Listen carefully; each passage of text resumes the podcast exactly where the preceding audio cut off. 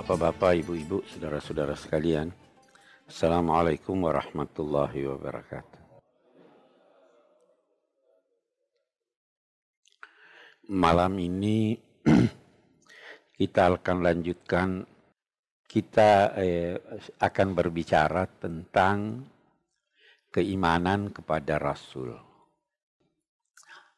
Jadi Allah memilih itu untuk yang diangkat jadi rasul menyampaikan apa yang dikehendaki Allah itu dari manusia dan apa yang dikehendaki Allah itu pada hakikatnya adalah untuk kemaslahatan manusia. Kenapa untuk kemaslahatan manusia? Karena Allah sangat sayang kepada manusia. Nah, jadi sampai di sini sekarang kita lihat oh rupanya Allah begitu kasih kepada kita sehingga dia kirim rasul.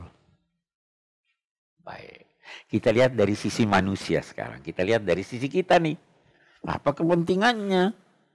Kita jangan ambil eh, eh, banyak contoh, kita ambil satu atau dua contoh. Kita lihat begini.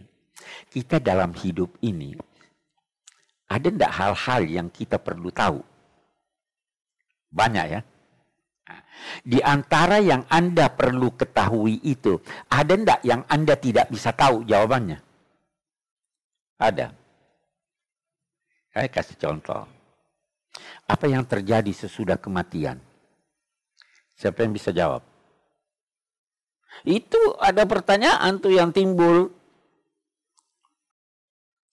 Itu satu pertanyaan yang tidak bisa terbayang betapapun pandainya seseorang bagaimana jawabannya. Mati aja dia tidak tahu kok, apalagi apa sudah kematian. Perlu dijawab. Yang jawab itu Allah, dan itu yang disampaikan kepada kita oleh Rasul. Kalau sudah mati bagaimana? Dijawab lagi oleh Rasul. Jadi sebenarnya kita butuh adanya jawaban terhadap pertanyaan kita yang kita tidak peroleh jawabannya kecuali dari Allah. Allah yang Maha Kasih ini menyampaikan jawaban itu melalui Rasul, Rasul kemudian menyampaikannya kepada kita. Eh, eh, dan itu banyak itu yang yang ya, yang bisa timbul pertanyaan-pertanyaan dalam benak kita yang kita tidak bisa jawab bahkan ada pertanyaan-pertanyaan itu yang tidak dijawab oleh Allah karena kita tidak mampu mencernanya. Kamu tidak mampu. Mau lihat contohnya? Yas'alunaka anir roh. Nah, roh itu apa? Oh, ber, bertengkar itu filosof roh apa ini? Tidak ada yang bisa jawab. Jawabannya itu kamu tidak usah tahu itu, kamu tidak bisa tahu itu. Nanti kamu tahu. Itu urusan Tuhan. Ya, kan? jadi banyak pertanyaan yang bisa muncul yang kita tidak tahu jawabannya. Karena baiknya Allah dan karena kehendaknya untuk menjadikan manusia bahagia, itu di Quran ada dikatakan begini, bahwa ini manusia ada sudah yang menyimpang. Menyimpang.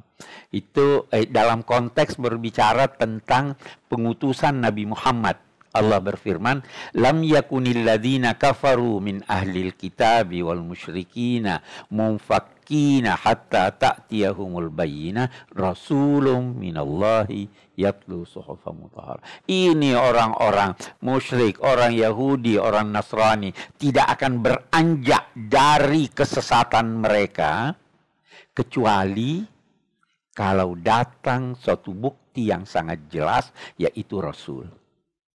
Jadi perlu dong. Paling tidak dari sisi saya katakan ini tentu dari segi pandangan Islam ya. Kita kan bicara dari segi pandangan Islam bahwa Allah Maha baik. Allah ingin menyelamatkan manusia sehingga dia mengutus rasul-rasul. Oke. Okay. Dan eh, dia sama sekali tidak mempunyai kepentingan untuk eh, itu. Baik, mari kita Kalau begitu, kita mengajukan pertanyaan baru. Manusia modern katanya sekitar 10.000 tahun sudah. Sejak manusia bermasyarakat, sejak itu pula ada Rasul. Sejak itu pula ada Rasul. Kenapa? Karena sejak itu manusia membutuhkan bimbingan. Boleh jadi sebelum mereka bermasyarakat masih sendiri-sendiri atau masih kelompok kecil, boleh jadi hanya nabi yang ada. Itu dulu satu. Yang kedua, karena kita katakan bahwa manusia, apalagi yang bermasyarakat, yang kepentingannya sering berbenturan ini, perlu diberi petunjuk, perlu diberi rambu-rambu lalu lintas kehidupan. Sejak manusia bermasyarakat, pasti ada seorang yang diutus Tuhan untuk memberi petunjuk mereka. Itu pasti. Jadi di Indonesia ini pernah ada. Pasti. Allah berfirman, tidak ada satu negeri pun kecuali telah datang kepadanya seorang pemberi peringatan. Pasti ada. Hanya kita tidak tahu ya. Siapa nih? Allah juga berfirman menyangkut rasul-rasul itu bahwa minhum man qasasna. Ada yang kami sudah ceritakan kepadamu tentang mereka, ada juga yang belum atau yang tidak kami ceritakan. Jadi banyak di Nabi, banyak Rasul. Allah juga menyatakan kami tidak mungkin menjatuhkan sanksi kepada suatu masyarakat sebelum kami mengutus rasul. Wa ma kunna mu'adzibina hatta nab'atha rasulah. Jadi eh, pasti di sini pernah ada itu, hanya kita tidak tahu. Karena tidak semua diceritakan, disampaikan oleh Allah kepada Rasulnya, maka dari segi akidah ketika kita dituntut untuk percaya pada Rasul, maka dari segi akidah kita dituntut untuk percaya pada Rasul yang disebut dalam Al-Quran. Yang disebut dalam Al-Quran. Bisa jadi ada Rasul lain yang menurut logika atau isyarat-isyarat yang eh, eh, eh, isyarat-isyarat yang tidak tegas bahwa dia rasul itu ada ada ulama Jamaluddin Al-Qasimi dalam tafsirnya eh, Mahasinut Ta'wil itu berkata itu Buddha rasul. Dari mana Anda tahu? Dia bilang coba lihat itu. Watini, wazaituni, waturi sinina, Wahadal baladil amin. Dia bilang ini ada empat, ada empat tempat di mana terpancar ajaran agama yang paling besar sampai sekarang. Hadal baladil amin Mekah itu Nabi Muhammad dari sana. Turis ini Musa. Ya toh? Eh, Az-Zaitun ada gunung Zaitun di Palestina, Syria sana. Nah, Tin ini apa? Dia bilang itu pohon budi yang ada di India saya kira sekarang. Itu penganut. Tapi dia bilang karena sudah terlalu lama masa antara diutusnya Buddha dengan masa sekarang, sudah terjadi penyimpangan-penyimpangan dalam ajaran agamanya. Sama juga menurut keyakinan kita, sama juga dengan Nabi Isa terjadi penyimpangan. Bahkan boleh jadi eh, eh, apa yang diajarkan Rasul pun sedikit demi sedikit barangkali ada, agak berbeda-beda sudah dengan yang lalu. Bahkan mungkin sudah ada penyimpangan dilakukan oleh orang-orang karena masa ini. Nah, sekali lagi saya katakan bahwa eh, kita hanya wajib percaya dengan apa yang disebut di dalam Al-Quran. Nah, yang disebut dalam Al-Quran itu 25 nabi. 25. Di luar itu mas, pasti masih ada. Pasti masih ada. Tetapi siapa? Wallahu a'lam. Ada yang berkata misalnya, misalnya Khidir itu nabi atau bukan? Nah, ada yang bilang Nabi kan. Tetapi kalau Anda tidak mau percaya dia Nabi, tidak ada masalah. Tidak ada masalah. Itu kan yang katanya yang mengajar Nabi Musa itu.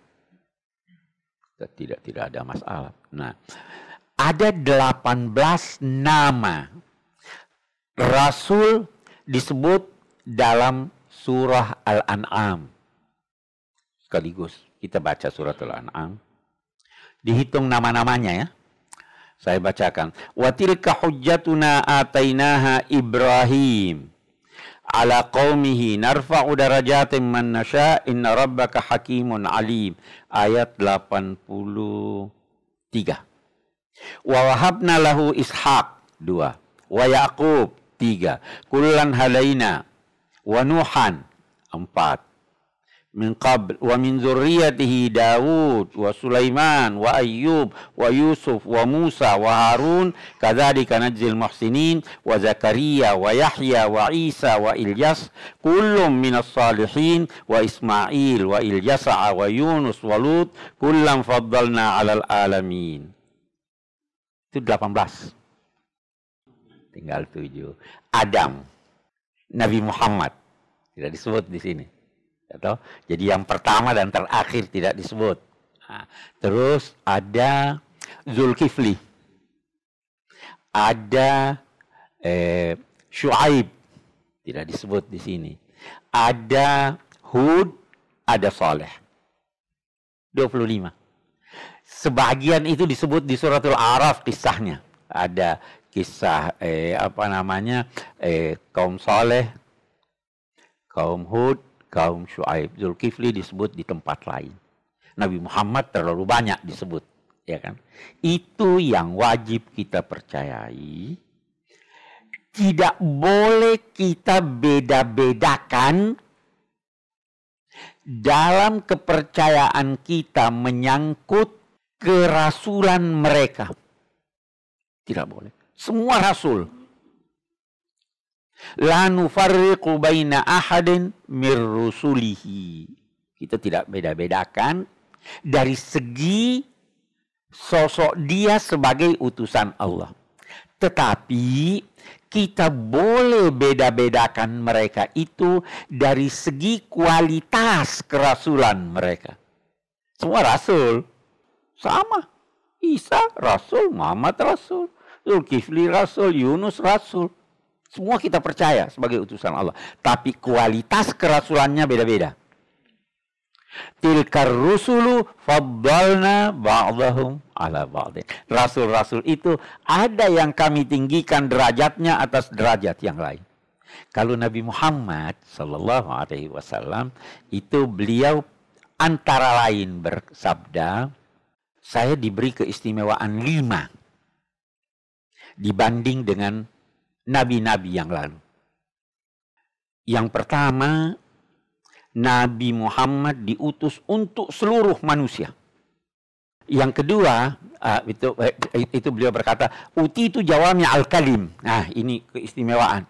Saya diberi oleh Allah kemampuan menyusun kalimat-kalimat pendek yang syarat makna. Singkat tapi maknanya syarat. Itu hadis-hadis Nabi itu ada yang begitu. Misalnya eh, eh, kita ambil eh, eh, salah satu hadis Nabi itu eh, eh, eh, Innamal a'malu binniyah itu penjelasannya luar biasa. Ya kan? Itu banyak sekali. Oh, banyak itu jawabnya al-kalim Nabi. Banyak sekali. Nusirtu birro'b. Saya ini sudah menang hanya orang karena takut pada saya.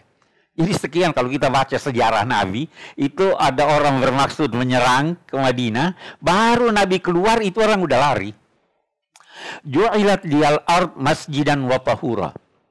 Kalau agama-agama lain ada tempat salatnya tersendiri. Tidak boleh salat di, kecuali di tempat salat. Kalau Nabi Muhammad saya diperkenankan Allah dan umatku diperkenankan Allah untuk salat di mana saja di persada bumi ini. Dan tanah dijadikan sarana penyucian buat saya. Tidak ada air, tayamum. Tidak ada yang dapat begitu. Nah, saya diberi nah ini ini yang eh, salah satu yang amat penting. Yang diberikan bukti tentang kebenaran saya itu adalah wahyu.